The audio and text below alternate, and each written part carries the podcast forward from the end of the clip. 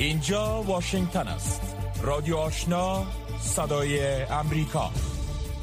شنوندگان عزیز سلام. شب همه شما بخیر. حفیظ آصفی هستم و با همکارانم برنامه خبری ساعت رادیو آشنا صدای امریکا را تقدیم می‌کنیم. در سرآغاز برنامه رویا زمانی تازه ترین خبرهای افغانستان منطقه و جهان پیشکش می‌کنم. با تقدیم سلام. انفجار در داخل مسجد گذرگاه شهر هرات که سبب کشته و زخمی شدن ده نفر شد با واکنش های جهانی مواجه شده و ایالات متحده امریکا خواستار به عدالت کشاندن عاملان این رویداد شده است. جزیات بیشتر را سهر عظیمی مشتوید تومس ویس نماینده ویژه امریکا در امور افغانستان وقت روز جمعه دوم سپتامبر این انفجار را محکوم کرده و با بستگان قربانیان آن ابراز غم شریکی کرده است. آقای وست این رویداد را یک اقدام بیمعنا و تروریستی خوانده و گفته است که عاملان انفجار باید بازداشت و به عدالت کشانده شوند. این انفجار که گفته می شود حمله انتحاری بوده حوالی ساعت یک و سی بعد از ظهر دیروز در مسجد جامعه گذرگاه این شهر به وقوع پیوست. بر اساس معلومات مقام های طالبان در این انفجار 18 نفر به شمول مجیب الرحمن انصاری خطیب این مسجد کشته و 24 تن دیگر زخمی شدند. هیئت معاونت سازمان ملل متحد در افغانستان یا یونما ضمن نکوهش این انفجار گفته است که در این حمله ده ها نفر و شمول کودکان کشته و زخمی شدند. یونما افزوده است تداوم حملات بر افغانهایی که با زندگی روزمرهشان مصروفند از جمله حضور در مکانهای عبادت باید متوقف شود. آنتونیو گوترش منشور سازمان ملل متحد یک بار دیگر از تداوم بسته ماندن مکاتب دوره متوسطه و لیسه برای دختران در افغانستان اظهار نگرانی کرده است. آقای گوترش امروز شنبه در صفحه تویترش نگاشته است که هنوز هم در افغانستان دختران از مکتب دور نگه داشته می شوند او افزوده است که دور نگه داشتن دختران از مکتب نقض غیر قابل توجیه حقوق بشری است که به تمام افغانستان آسیب می رساند آقای گوترش تاکید کرده است که دختران به مکتب تعلق دارند. از سوی دیگر هدربار معاون بخش حقوق زنان در سازمان دیدبان حقوق بشر در پاسخ توییت های گوترش نوشته است که این موارد حقیقت است اما ملل متحد می تواند که کارهایی را در این زمینه انجام دهد. خانم بار گفته است که برای پایان دادن به تمام مافیت های سفرهای رهبران طالبان فشار وارد شود و مقام های بیشترین گروه به لیست ممنوعیت این سازمان اضافه شوند. خبرهای منطقه و جهان را از رادیو آشنا صدای امریکا میشنوید. کمیشنری عالی سازمان ملل متحد در امور پناهجویان می‌گوید که در کنار شهروندان پاکستان بیش از 420 هزار مهاجر افغان در مناطق آسیب دیده سیلاب ها در آن کشور زندگی می کنند که این مهاجرین در حال حاضر به کمک های فوری نیاز دارند.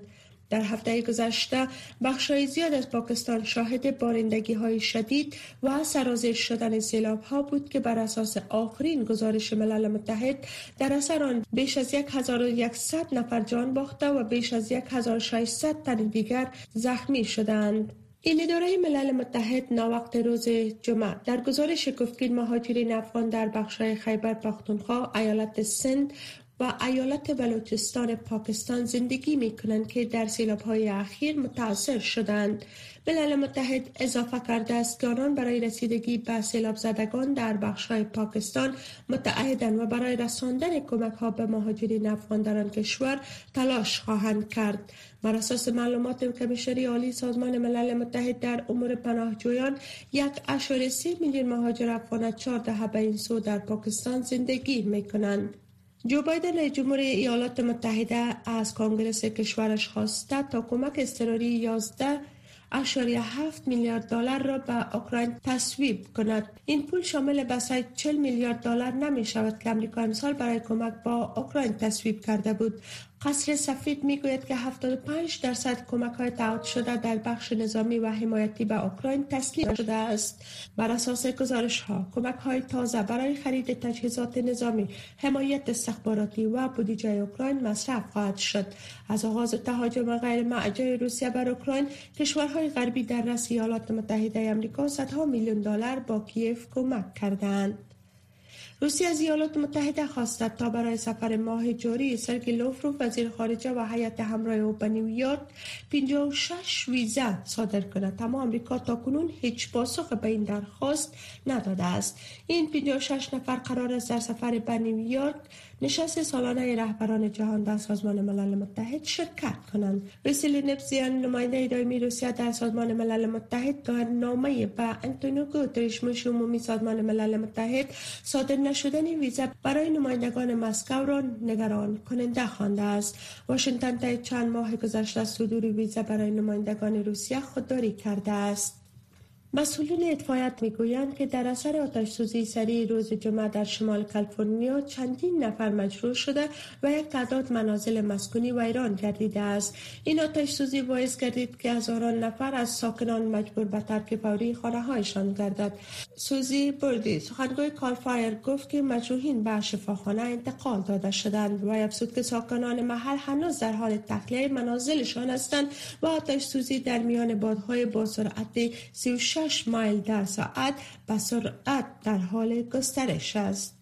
مفتشین سازمان بین المللی انرژی اتمی برای ماموریت های پرخطر مانند تحقیق پس از فاجعه رادیواکتیو فوکوشیما در ژاپن تا برنامه هسته ایران که از نظر سیاسی آن کشور به آن متهم شده گماشته می شوند اما زمان ها در میان جنگ در اوکراین به ژوپوریژیا میزان تهدید را به سطح جدید می‌برد و بر فعالیت های این سازمان در راستای تلاش برای جلوگیری از یک فاجعه هسته احتمالی تاکید می کند تاریخ رئیس سابق تایید و امنیت این سازمان با اشاره به اینکه سازمان بین المللی کمک به امنیت در سال 2003 تحقیق کننده را به عراق و در جریان جنگ به گرجستان جمهوری شوروی سابق فرستاده است گفت که این اولین باری نیست این تیم تحقیقی را به منطقه درگیر میفرستد. تمام افزود که وضعیت در ژوپوریژیای اوکراین جدیدترین وضعیت برای کارمندان این اداره است که تا حال به سابقه است.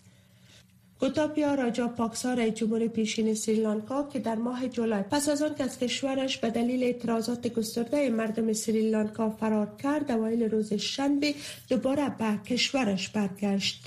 اعتراض کنندگان به دلیل اوضاع بد اقتصادی به منازل و دفتر رئیس جمهور حمله کرده بودند که این وضعیت منجر به فرار راجا پاکسا شد.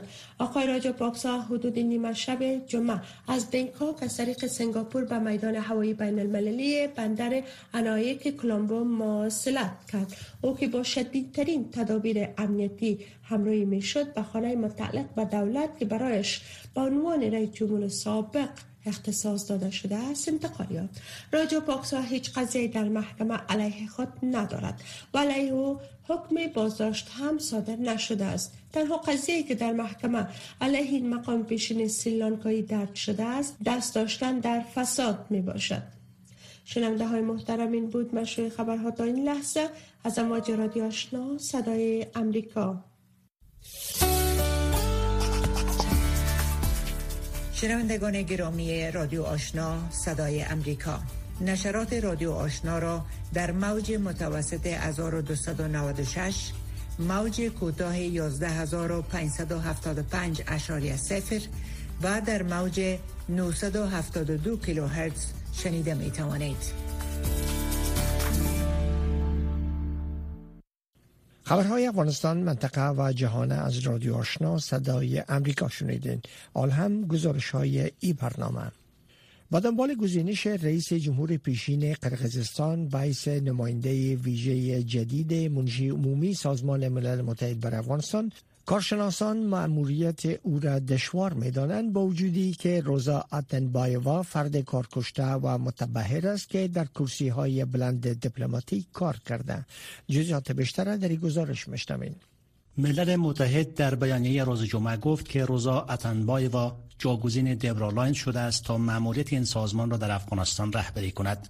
بر اساس این بیانیه خانم اوتنبایوا بیش از 35 سال تجربه حرفه‌ای در رهبری دیپلماسی مشارکت مدنی و همکاری بین المللی دارد. یک سال ریاست جمهوری سه دور وزارت خارجه نمایندگی پارلمان و معاونت نخست وزیری قرقیزستان در کارنامه سیاسی وی درج است سید جواد سجادی استاد روابط بین گفت که این گزینش از چند جهت دارای اهمیت است و نخست این که ملل متحد بار دیگر یک زن را به حیث نماینده ویژه خود در امور افغانستان انتخاب کرده در حالی که در شرایط فعلی زنان و دختران افغانستان در یک موقعیت بسیار دشوار قرار دارند از جمله از حق آموزش و کار محروم مانده و با محدودیت های فراوان اجتماعی مواجهند آقای سجادی افزود خانم اوتانبایوا از قرقیزستان و از آسیای میانه می آید کشورهایی که همواره نگرانی های فراوانی در مورد سرازیر شدن و ورود گروه های افراطی و باورهای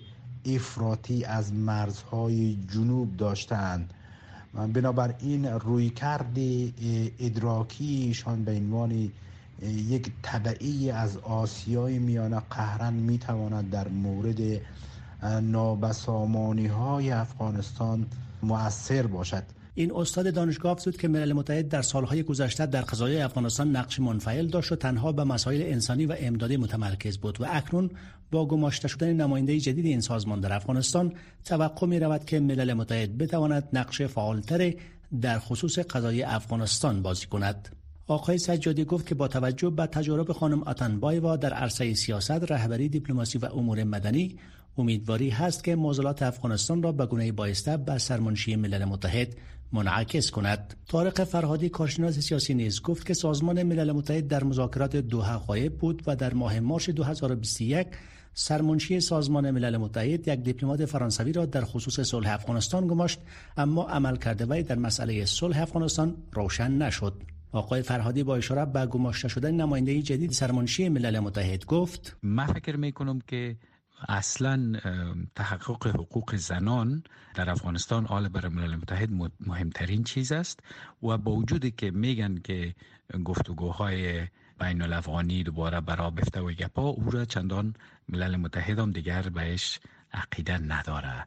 پس خانم روزا اوتونبایووا بزرگترین کارش در افغانستان می‌خواهد بود که اگر بتانه که حکومت متقاعد بسازه که مکاتب دختران باز کنه و زنان دوباره به کار اجازه داده شوند. اسدالله ندیم دیگر کارشناس سیاسی نظامی گفت که خانم با در جهان از زمره زنان با اراده و سابقه روشن و سطح فکری بالا و پیشینه سیاسی فعال است. اما گماشته شدنش به حیث رئیس نما در شرایط فعلی در افغانستان یک مأموریت ساده نیست بلکه کار پیچیده و در عین حال وظیفه دشوار برای وی خواهد بود. موجگیری های طالبان در قبال زنان در قبال رسانه ها در قبال اقلیت ها مسدود ماندن مکاتب دخترانه اینا چالش هایی یا معضلاتی که روبروی خانم روزا قد علم کرده.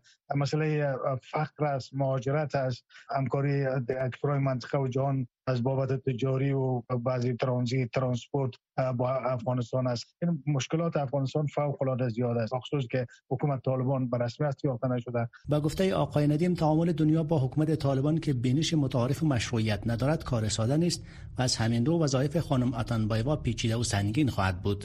اما با توجه به سابقه و امیدواری وجود دارد که این مشکلات را تا حد حل کند. خانم اتنبایوا در حالی به حیث نماینده ویژه جدید سرمنشی سازمان ملل متحد برای افغانستان تعیین شده که این کشور پس از تسلط طالبان در 15 اگست 2021 با بحران بشری، سیاسی، اجتماعی و اقتصادی دست و پنجه نرم می کند. پیش از خانم اتنبایوا دبرا لاینز نماینده ویژه پیشین سرمنشی سازمان ملل متحد در افغانستان بود که مأموریتش در ماه جون پایان یافت. خانم لاینز در بیانیه تودیعش به مردم افغانستان گفت که مأموریت وی در این کشور به دلیل جنگ و همگیری کووید 19 با چالش مواجه بود. او سقوط نظام جمهوری و حاکمیت دوباره طالبان را هنگام مأموریتش تجربه غیرمنتظره در زندگیش توصیف کرده است. رادیو آشنا صدای امریکا هفت روز هفته. خبر و گزارش ها و تحلیل های خبری روز. جاشوا فروت رئیس پیشین عملیات خاص ناتو در بخش مبارزه با مواد مخدر گفته که با آمدن طالبان در افغانستان رقم تولیدات و قاچاق مواد مخدر در سطح جان بالا رفته و طالبان از این طریق پول زیاد به دست آوردند آقای فرود در مصاحبه با ژیلان نوری گفته که زمان ای فرا رسیده تا با تهدیدات دهشت افغانی به طور جدی رسیدگی شود و نباید شبکه حقانی توانایی های نظامی بیشتر پیدا کنه تا باعث حملات و تهدید علیه غرب شود ای کارشناس نظامی و مبارزه با دهشت افغانی نخست در مورد وضعیت فعلی افغانستان و فعالیت های پیشین ناتو در کشور صحبت کردند. This is a tough topic to talk about even a year in. Um, یک موضوع دشوار است که در مورد آن صحبت کنیم. به نظرم وقتی آن رسیده تا افراد از هر گروه حزبی یا استخبارات نظامی که باشند به طور علنی باید بگویند که خروج قوای ما مطابق برنامه پیش نرفت و ما می توانستیم در قبال آن بهتر عمل کنیم. اما واقعیت این است که زمان به عقب بر نمیگردد. باید ما یک بررسی صادقانه در مورد فعالیت های کنونی داشته باشیم. اینکه طالبان اکنون همه کشور را کنترل می کنند و افغانستان به مرکز جهانی دهشت افغانی و مرکز تولید مخدرات و تولید هیروئین تریاک و متافیتامین مبدل شده است. اکنون نوع تولید شیشه ای مت بالا رفته است و اکنون افغانستان بیشتر به یک کشور جدید متخاصم مبدل می شود میدان رقابت قدرت های بزرگ شده است. چین و پاکستان علایق خود را دارند. افغانستان کشور با منابع برزش سی تریلیون دلار است که معادن نادر دارد و اکنون به یک نقطه محوری مخالفت و رقابت ها بین کشورهای بزرگ مبدل شده است. به همین خاطر علاقمندی چین روسیه ایالات متحده در قبال افغانستان وجود دارد. به نظرم روابط کشورها با افغانستان در مقایسه با گذشته بدتر شده است و شامل اقدامات قبلی می شود در مورد چین نظر شما چی است؟ نقش چین در افغانستان رابطه کشور با طالبان چطور ارزیابی می‌کنید آیا چین دوست طالبان است؟ نکته کلیدی به نظرم این است که در اینجا و بسیاری از مردم در سطح روابط بین المللی واقعا نمی‌دانند که افغانستان و تایوان با هم مرتبطند. در خاک افغانستان به ارزش 3 تریلیون منابع به شمول لیتیم وجود دارد. چین به همین دلیل علاقمندی خاصی دارد. از سوی دیگر صنعت نیمه اتومات در تایوان بسیار موفق است. موقف چین در اصل این است که می‌خواهد جهان را دو برابر تصرف کند. آنها می‌خواهند کنترل تکنولوژی ها را به دست گیرند و معلومات را کنترل کنند. و افغانستان و تایوان برای بلند بردن توانایی آنها مهم است. چین با استفاده از ساختن جاده ها و شهرها می خواهد تشکیلات مهم برای ارتباطات در کشورهای مختلف در سراسر جهان مساعد سازد. به همین خاطر آنها تلفن های ZTE و هوایی خود را با سخت ابزار مربوط خود ساختند تا بتوانند از آن با برج های ارتباطی تلفن های چینایی استفاده کنند و شبکه خود را داشته باشند. و این کار باعث خواهد شد که تلفن و کامپیوترهای امریکایی با این شبکه ها هماهنگ نشود و کار نکند. این بخشی از تلاش های اینترنت اشیای چینی است که می‌خواهند سیستم ها و تشکیلات چینایی خود را به دیگران تحمیل کنند. اهداف آنها تلفن های هوشمند و موتورهای برقی است. معادن این عناصر نادر در افغانستان است. و آنها به این معادن برای تولید تکنولوژی نیاز دارند.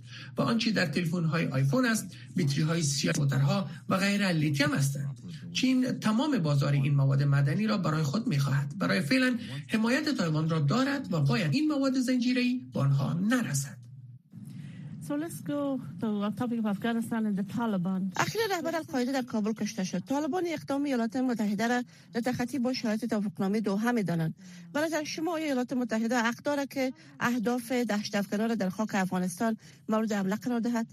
Well, I don't speak on an official level for anything policy-wise, so this is just my opinion. واضح است که طالبان به تعهدات توافقنامه دوحه عمل نکردند و جای تعجب نیست که این کار را نکردند. شما اگر رفتار آنها را با زنان و مردم افغانستان ببینید و به نحوی که مردم را عذاب می‌دهند خلاف تعهدات آنها به جامعه جهانی است. نخست از همه طالبان تعهدات خود را عملی نکردند. و آنها نباید به القاعده اجازه می‌دادند که در داخل خاک افغانستان پناهگاه امن داشته باشند.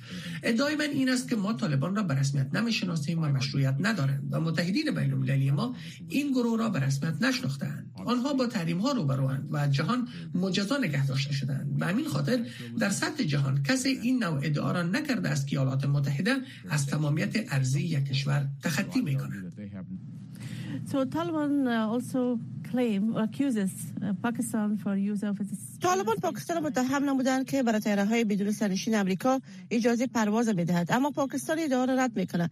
برای شما طالبان با خطرات دشت افغانی چطور رسیدگی می‌کنند؟ I read this article and I uh, I can't speak on هر نوع فریزه که پاکستان و طالبان ممکن روابط خوب نداشته باشند نادرست است. ما می‌دانیم که شبکه حقانی شاخه استخباراتی پاکستان است و ما می‌دانیم که هر دو روابط خوب با طالبان و رهبران آنها دارند.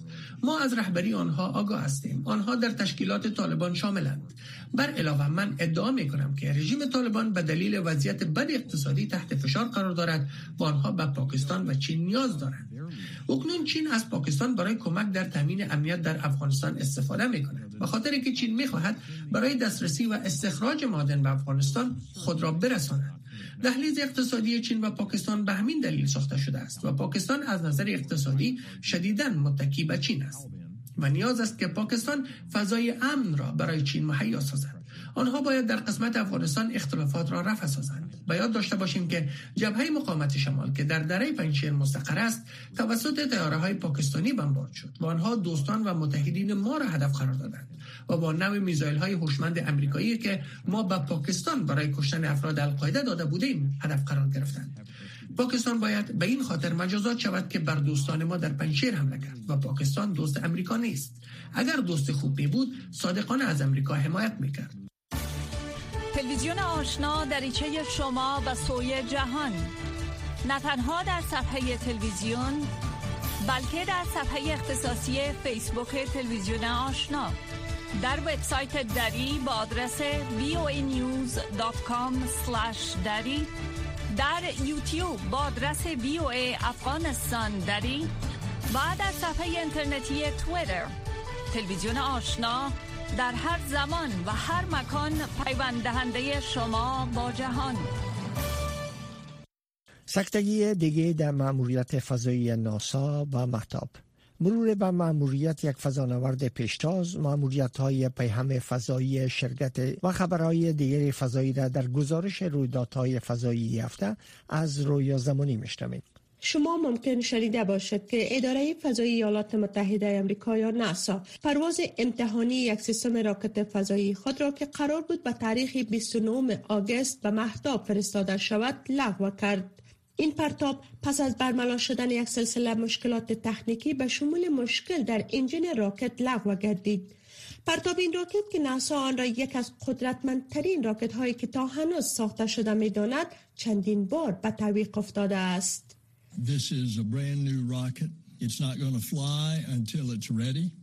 این یک راکت کاملا جدید است. تا زمان پرواز نخواهد کرد که آماده نشود.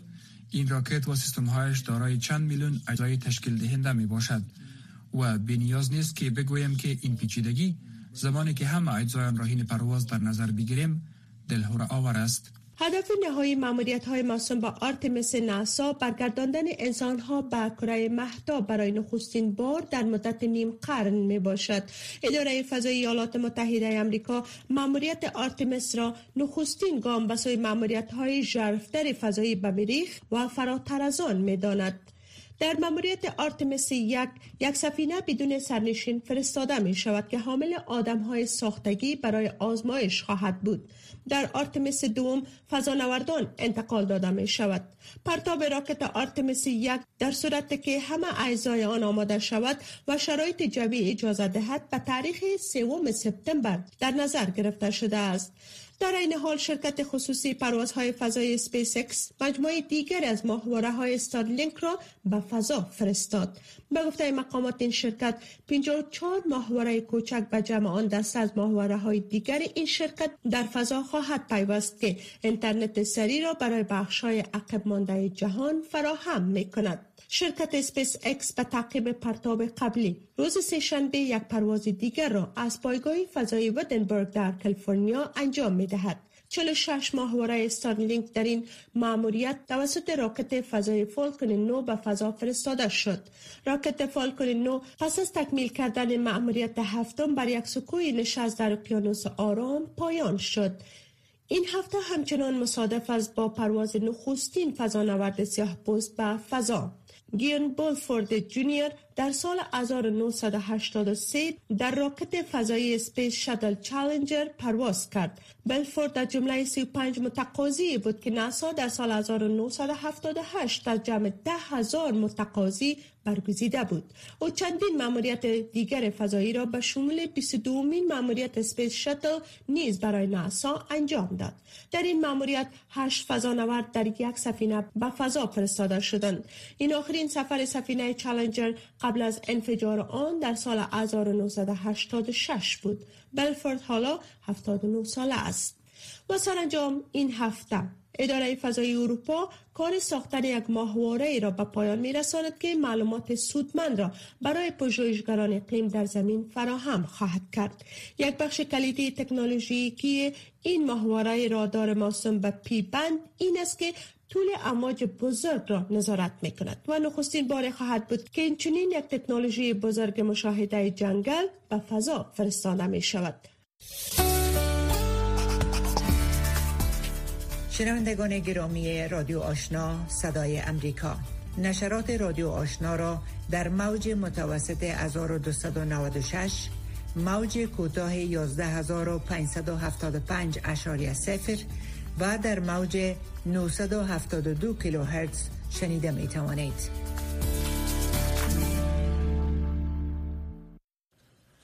رئیس جمهور جو بایدن هشدار داده که پیروان افرادگرای دونالد ترامپ رئیس جمهور پیشین امریکا تهدید جدی بر دموکراسی کشور هستند. در میال ترامپ به دلیل رسیدگی به اسناد دفاعی ملی تحت بازجویی قرار دارد. کارشناسان میگن جهان با دلچسبی تماشاگر وضعیت است.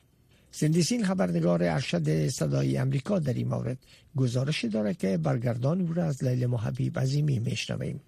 جو بایدن رئیس جمهور ایالات متحده امریکا روز پنجشنبه با لحن تندتر گفت که وی معتقد است که دانالد ترامپ رئیس جمهور سابق و جمهوری خواهان امریکا که می‌گویند امریکا را دوباره فوق العاده می‌سازند نمایندگان افراطی هستند که امریکا را تهدید می کنند بایدن همچنین گفت که این دروغ آنها که می‌گویند انتخابات 2020 به سرقت برده شده و تقلب صورت گرفته دیگر بس است و از آن به سطوح آمده است. من نمی‌گذارم اراده مردم امریکا با تیوری های توتعه و شواهد بیاساس با ادعای تقلب واژگون شود.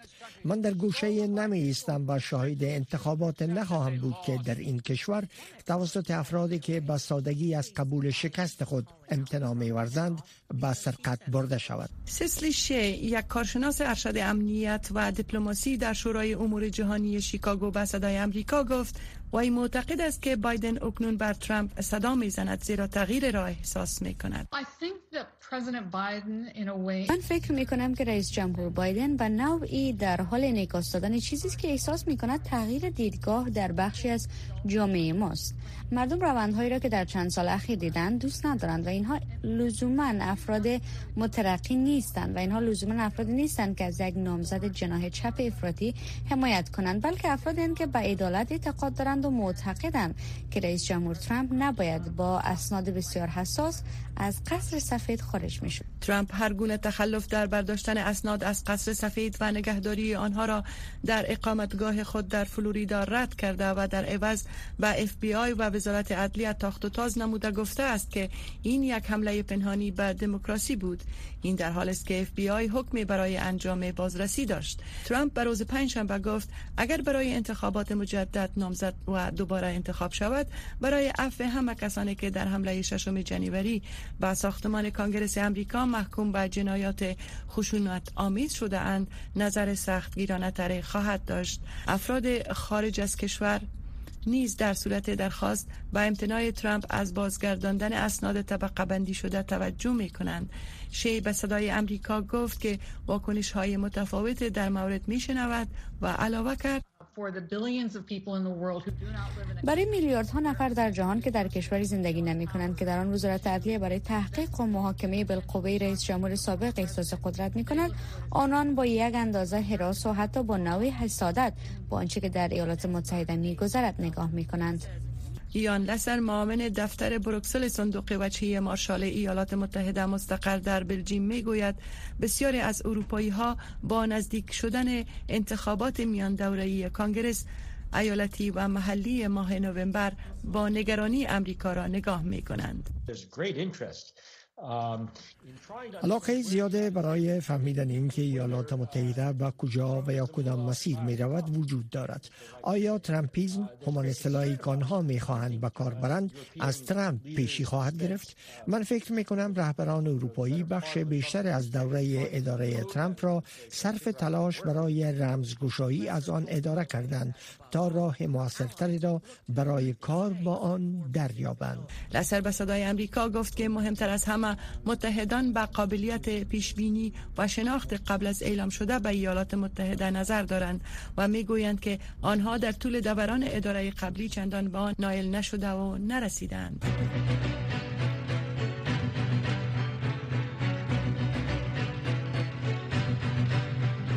شنوندگان عزیز ای بود داشته های ای برنامه خبری که در همین جا به پایان رسید.